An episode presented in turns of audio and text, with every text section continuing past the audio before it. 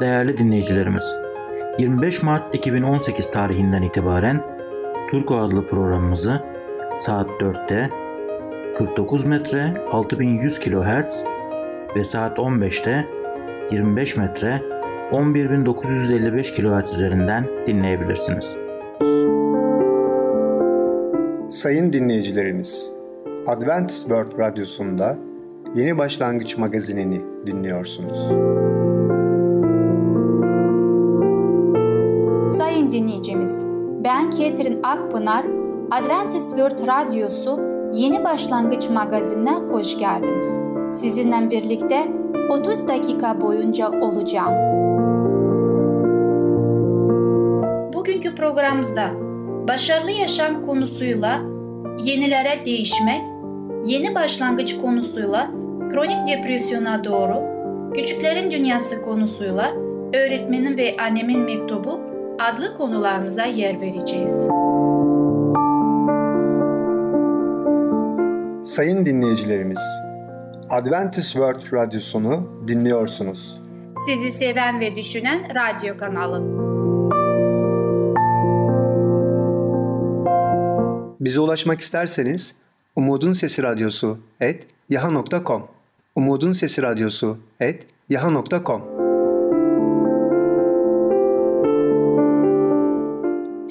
programımızda Yenilere Değişmek adlı konumuzu dinleyeceksiniz. Başarılı olmak için nasıl değişebiliriz? Merhaba sevgili dinleyiciler. Ben Tamer. Başarılı Yaşam programına hoş geldiniz. Bugün sizlerle yenilenerek değişmek hakkında konuşacağız. Nasıl biz yenilenebiliriz? Nasıl daha iyi bir insanlar olabiliriz?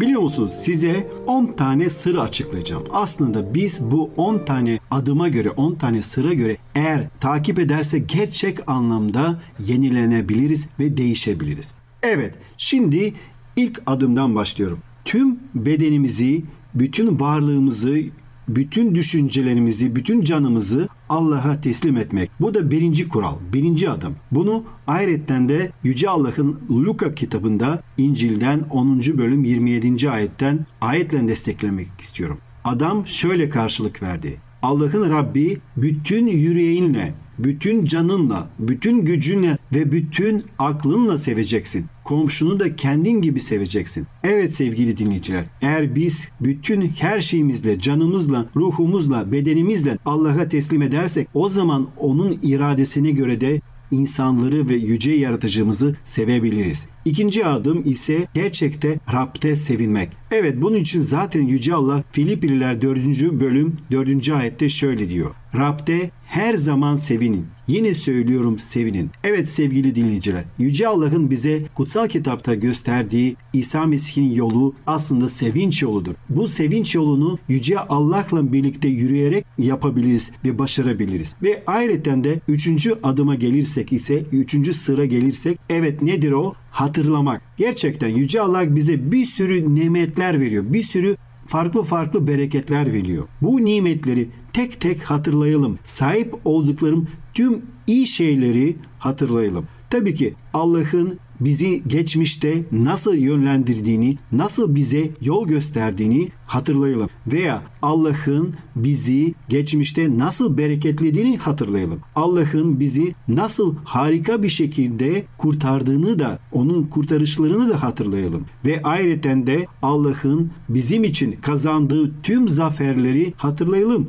Evet nasıl muhteşem bir Allah'a sahibiz. Ve unutmayalım ki Allah'ın geçmişte bize verdiği bütün o cesaret edici olayları, sözleri onları da hatırlayalım. O bizi geçmişte nasıl cesaretlendirdiğini hatırlayalım. Ve ayrıca de Allah'ın sözüne sadık olduğunu unutmayalım. Ne kadar zor bir duruma düşersek düşelim Allah vaatlerine ve sözlerine sadıktır. O söylemişse muhakkak yerine getirecek. Evet dördüncü adıma geçersek, dördüncü sığıra geçersek evet şunu diyebiliriz. Eski kötü şeylere kendimizi ölü görüp yeni şeylere, olumlu şeyler için, Allah için olan şeyler için diri olalım. Evet sevgili dinleyiciler, kendimizi kötü şeylerden sıyırıp atılım. Evet Resul Pavlus da öyle diyordu. Ben eski şeyleri eskide bırakıp sıyrılıp atıyorum ve yeni şeylere, doğru şeylere, Yüce Allah'ın gösterdiği şeylere doğru uzanıyorum. Biz de o adımı o şekilde yapalım. Aynen Resul Pavlus yaptığı gibi. Yeni şeylere uzanalım ve eski kötü şeyleri geride bırakalım. Onlara odaklanmayalım. Beşinci adıma gelince ise geçmiş hayatını analiz edelim ve Allah'ın yardımıyla nasıl bizi farklı farklı olaylardan, durumlardan, sınanmalardan, testlerden o kurtardığını kesinlikle ve kesinlikle düşünelim. Evet gerçekten Yüce Allah bizi çok harika bir şekilde kurtarıyor ve bizi yalnız bırakmıyor. Geçmişimizi çok iyi bir şekilde düşünelim ve o tarz olayları göz önümüzde nasıl bir muhteşem Allah'a sahip olduğumuzu hatırlayalım. Evet demek ki 5. adımda geçmişimizi ve geçmişteki olayları iyi bir şekilde ne yapacağız? Analiz edeceğiz. Allah'ın yardımıyla nerelerden o bizi geçirdi, nasıl bizi kurtardı onu düşüneceğiz. Ve altıncı adıma geçersek ise altıncı adımda da kötü yönlerini yeni ve olumlu karakter özellikleriyle değiştireceğiz. Evet hayatımızı analiz edip kötü yönlerimiz varsa onları yeni karakter özelliklerle değiştirmeye çalışacağız. Nasıl mı? Yüce Allah'ın yardımıyla. Çünkü Rab söz vermiştir ve Rab yardım edecektir. Rab her şey gücü yetendir. O bunları çok kolay bir şekilde yapabilir. Tabii ki kalbimizi, bütün canımızı, ruhumuzu ona teslim edersek. Yedinci adıma geçersek Allah'ın iradesini öğrenelim. Evet, Yüce Allah'ın her insan için farklı farklı iradesi olabiliyor. Kendimiz için Allah'ın iradesi ne olduğunu onu öğrenelim. Onun kelamını, Tevrat'ı, Zebur'u, İncil'i, Allah'ın kutsal kitabını okuyalım. Ve 8. adıma geçersek ise barıştırıcı olalım. Evet sevgili dinleyiciler, biz bu dünyada barıştırıcı olarak göreve çağrıldık. Biz ilk önce insanları kendimizle barıştıracağız ve ayrıca de insanları kendi aralarında da barıştıracağız. Ve tabii ki unutmayalım en önemlisi insanları Yüce Allah'la barıştırmak için onları Efendimiz İsa Mesih'i göstereceğiz. Kutsal kitabı onlara göstereceğiz. Tevrat, Zebur ve İncil kitaplarını onlara önereceğiz. Evet barıştırıcı olalım ve Dokuzuncu adıma geçersek ise kötülüğe direnelim. Dünyanın bir sürü kötülükleri olabiliyor ve vardır zaten. Ama biz onlara direneceğiz. Ve ayrıca de başarı kazandığımız zaman ne yapacağız? Bunlarla kendimizi övmeyeceğiz, övünmeyeceğiz. Kavgacı olmayacağız. Tam tersine Yüce Allah'la övüneceğiz. Onu ön plana getireceğiz. Ve son adıma, onuncu adıma gidersek ne olacak? Allah'ın iradesine göre bizi daha yakın yapmak için ne varsa o tarz şeyleri düşünelim ve onları görelim. Ne kadar kötü durumda olursak olalım unutmayalım ki Yüce Allah'ın iradesine göre yaşarsak, onu kabul edersek o zaman en iyi şekilde Yüce Allah bizim için bu durumumuzdan kurtulmamızı sağlayacak. Çünkü kurtuluşu Yüce Allah, Yüce Yaratıcımız vaat ediyor. Evet sevgili dinleyiciler, Romalar 12. bölüm 2. ayette dediği gibi düşüncelerinizin yenilenmesiyle değişin. Evet bu şekilde biz de yenilenebiliriz. Biz de değişebiliriz. Yüce Allah'ın yardımıyla. Tabii ki bu basit adımları takip edersek Yüce Allah'ın istediği gibi biz de yeni insanlar olabiliriz, yenilenebiliriz. Bu tabii ki Yüce Allah'ın mu- muhteşem bir gücüyle, muhteşem kurtarış bir planıyla yapılıyor. Ve ayrıca de unutmayalım ki Yüce Allah bize söz vermiştir. O da sözüne sadıktır. Söz verdiği için bütün vaatlerini yerine getirecektir. Ve biz de bu dünyadaki alacağımız tek şey karakterimiz. Karakterimiz de Yüce Allah'ın iradesine göre değiştireceğiz. Tabii ki onun yardımıyla. Ve böylece harika krallığının, onun muhteşem egemenliğinin dürüst ve örnek vatandaşları olacağız. Sevgili dinleyiciler, bugünkü konumuz sona eriyor. Bir sonraki programına kadar hoşçakalın. Sevgili dinleyicimiz, Yenilerek Değişmek adlı konumuzu dinlediniz. Bu hafta Cuma günü Başarılı Yaşam adlı programımızı aynı saatte dinleyebilirsiniz. Sayın dinleyicilerimiz, Adventist World Radyosunu dinliyorsunuz. Sizi seven ve düşünen radyo kanalı. Bize ulaşmak isterseniz Umutun Sesi Radyosu et yaha.com Umutun Sesi Radyosu et yaha.com Şimdi programımızda kronik depresyona doğru adlı konumuzu dinleyeceksiniz. Antidepresanlar bir çözüm müdür? Merhaba sayın dinleyicilerimiz. Ben Fidan. Yeni başlangıç programımıza hoş geldiniz. Bugün sizlerle kronik depresyona doğru adlı konuyu beraber öğreneceğiz. Evet, bugünlerde hepimiz kendimizi biraz depresif hissediyor olabiliriz. Olumsuz hava şartları, kötü ilişkiler, yoğun, meşgul ve monoton hayat. Hepsi bizleri aslında birer depresyona iten faktörler. Fakat en küçük bir bunaltıda hemen antidepresanlara mı koşmalıyız? Sizce antidepresanlar ne kadar yararlı? Gelin tüm bu cevapları Ümit Aktaş adlı doktorumuzdan bir kez farklı bir açıdan daha öğrenelim. Kimyasal tıbbın karanlık yüzünü işaret eden, sık sık ortada ciddi ve tehlikeli bir sorun olduğunu dile getiren ben ve benim gibi düşünen meslektaşlarım kimyasal ilaç tıbbının karanlık yanlarını anlattığımız zaman suç oluyor, dava ediliyoruz, tepki alıyoruz. Doğru söyleneni dokuz köyden kovarlar misali. Ancak biz bunları dile getiren ne ilk ne de son insanlarız. Bakın yüzün üstünde kitabı olan tanınmış İngiliz doktor Vernon Coleman ta 1975'te endüstrinin açmazlarını şöyle dile getirmiş. Görünen o ki ilaç endüstrisi tıp mesleğinin tüm kontrolünü eline almış durumda. Doktorlar ilaç endüstrisi tarafından itilip kakılıyor, satın alınıyor ve mesleklerinin kontrolünü tamamen kaybetmiş durumdalar. Aslında sadece ilaç şirketlerini suçlamakla bir yere varmak mümkün değil. Sonuçta tek amacı para kazanmak olan bir endüstrinin yüksek etik standartlara sahip olması beklenemez. Sorumluluk meslekleri sadece ilaç şirketlerinin talimatlarını uygulamaktan ibaret bir hale dönüşmüş olan tıp uzmanlarına ait. Zaten bu şekilde icra edilen bir mesleğe meslek demek bile mümkün değildir. İşin en ürkütücü yanı nedir biliyor musunuz? Depresyon şikayetiyle başvurduğunuz doktor da size tam olarak hangi grup ilacın iyi geleceğini bilmez. Önce bir ilaç verilir, o ilaç iyi gelmezse başka bir ilaca geçilir. Kendisini biraz daha iyi hissedene kadar doktoru tarafından reçete edilmiş sayısız ilaç denemiş, öyle çok hasta var ki. Yani yine hiçbir haberiniz olmadan kocaman bir deneyim parçası verirsiniz. Tabii bir ilacın iyi gelmesi derken iyi kelimesini biraz açalım dilerseniz. Antidepresan ilaçları kullandıktan sonra kendini iyi hissetmenin kriterleri nelerdir? Öncelikle iyi hissetme karşılığında bedeli olarak sağlığınızı ciddi anlamda tehdit eden birçok gen etkiyi sineye çekersiniz. Bu ilaçların ne kadar tehlikeli olabileceğini gösteren çalışmalara prestijli yayınlarda pek rastlanmaz. Çünkü bilimsel yayın pazarının kontrolü yine ilaç firmalarının elindedir. Parayı veren düdüğü çalar ya da parayı veren bilimsel yayını yapar. Kullandığınız antidepresanlarla sorun çözülmez. Sadece maskelenir, ilaçla uyuşturulur ya da uyarılırsınız. Ama sorun hala ortadadır. Temelde hiçbir şey değişmemiştir. Antidepresan tedavisi görmüş hastaların ilacı bıraktıklarında hiç antidepresan kullanmayanlara göre çok daha sık depresyona girdiğini gösteren sayısız araştırma var. Yine doğru takviyeler, doğru besinlerle duygusal durumunuzu en iyi seviyeye taşıyabileceğinizi gösteren birçok çalışma mevcuttur. Ancak bu bilgilerin yayılmasını kimse istemez.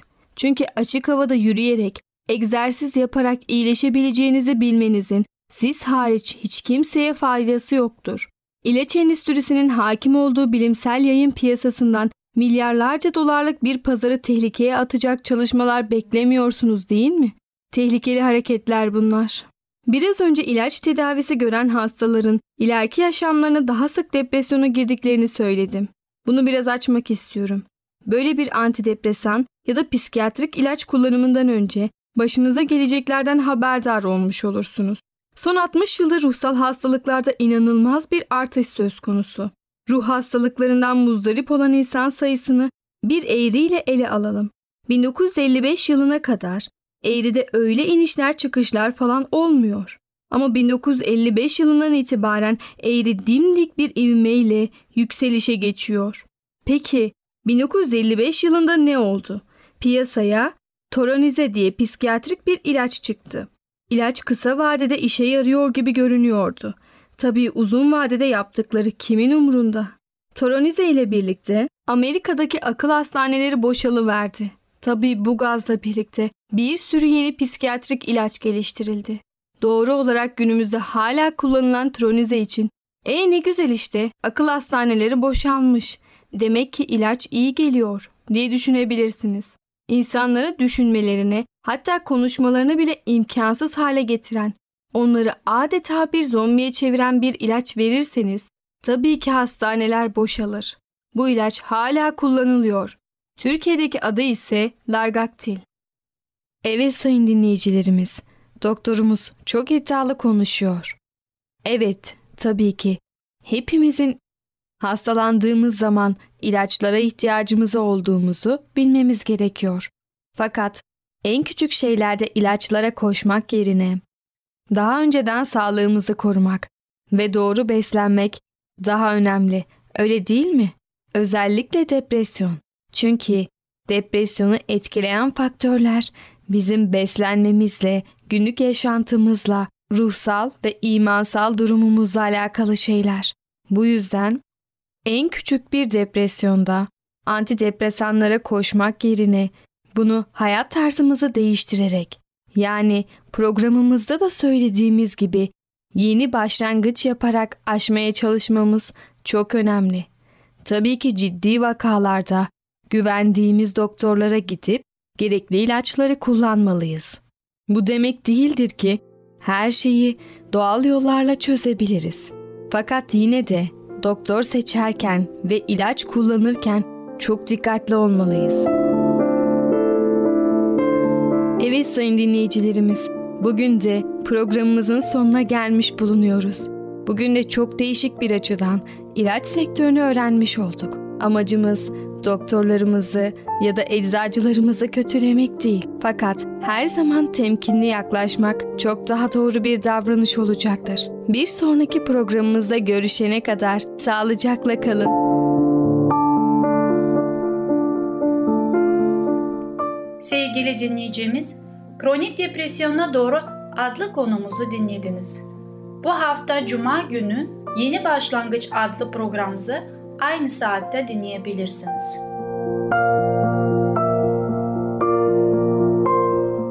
Sayın dinleyicilerimiz, Adventist World Radyosunu dinliyorsunuz.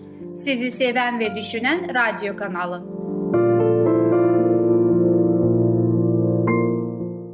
Bize ulaşmak isterseniz Umutun Sesi Radyosu et yaha.com Umutun Sesi Radyosu et yaha.com Sevgili küçük dostum, Öğretmenin ve Annemin Mektubu adlı konumuzu dinleyeceksin. Ölüm ve ayrılıklara nasıl dayanabiliriz?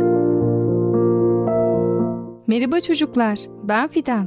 Küçüklerin Dünyası adlı programımıza hoş geldiniz.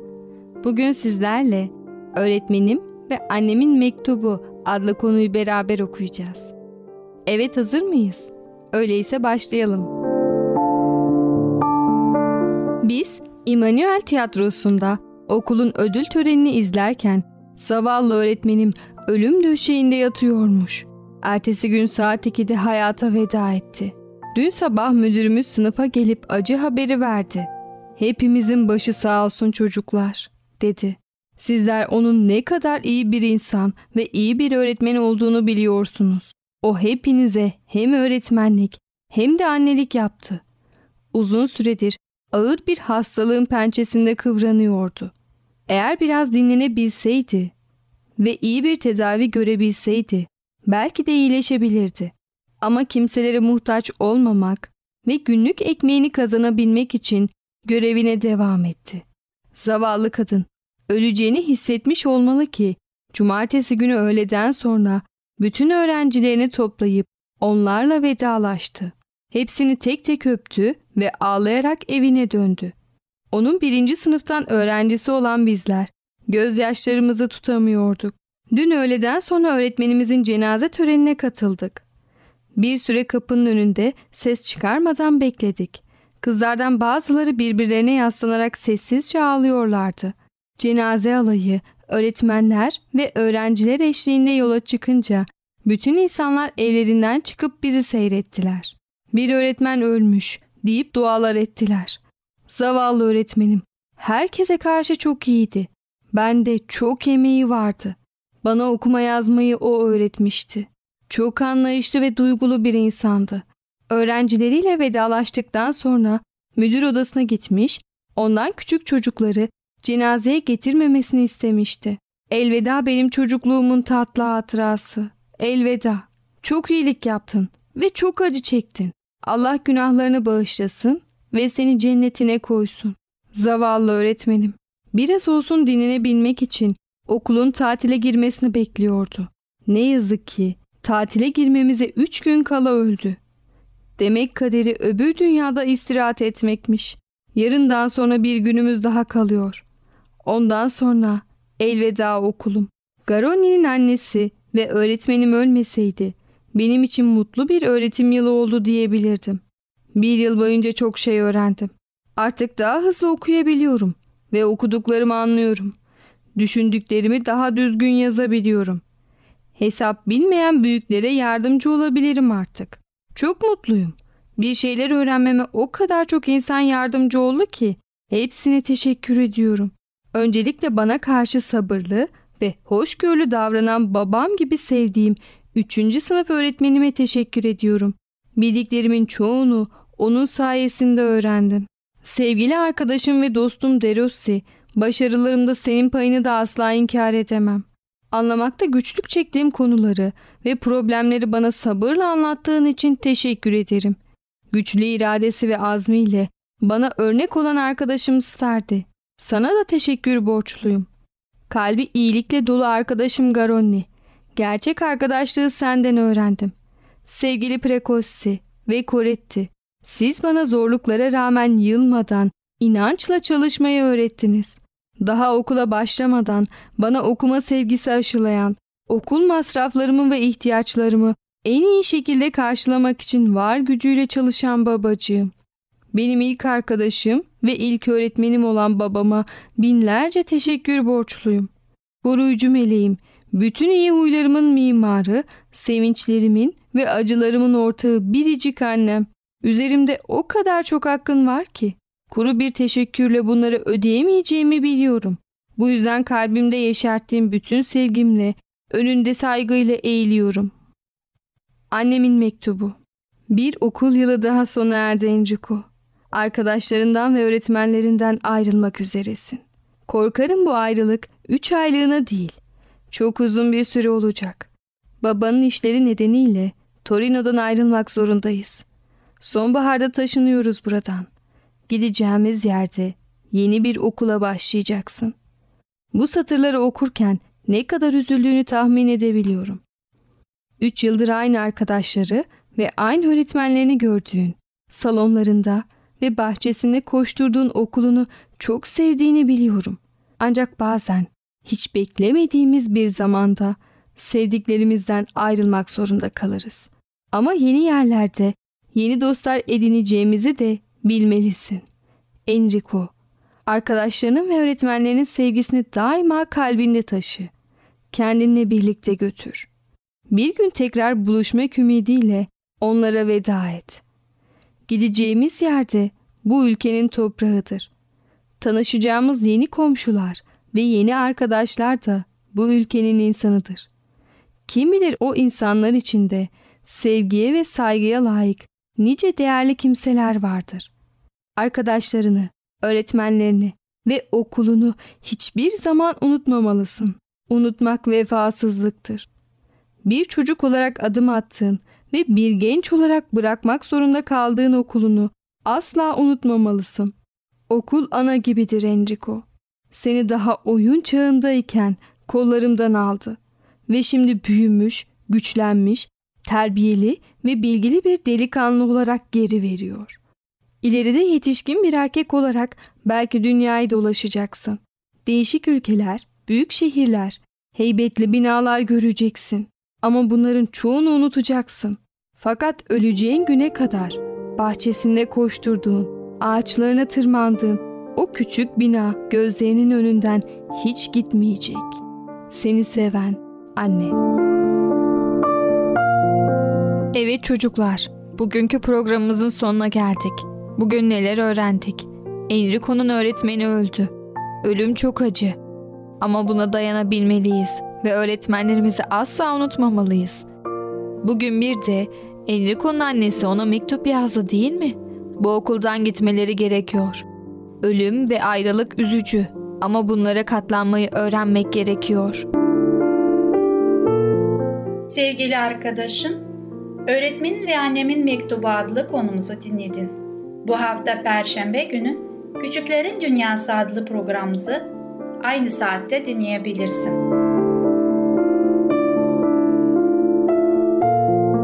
Sayın dinleyicilerimiz, Adventist World Radyosunu dinliyorsunuz. Sizi seven ve düşünen radyo kanalı.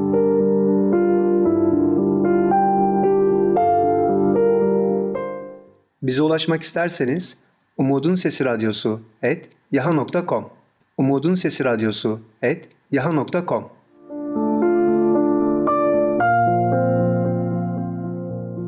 Sevgili dinleyicimiz, gelecek programımızda ele alacağımız konular Neden kötülük var? Yeni dünyayı betimleyen yazı, son sınavlar.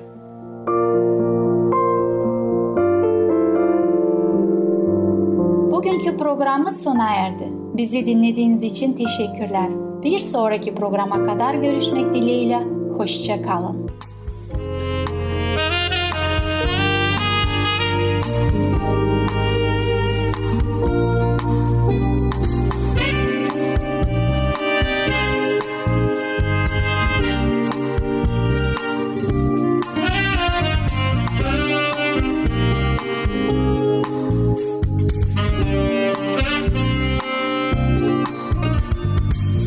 Dinleyicilerimiz, 25 Mart 2018 tarihinden itibaren Turko adlı programımızı saat 4'te 49 metre 6100 kHz ve saat 15'te 25 metre 11955 kHz üzerinden dinleyebilirsiniz.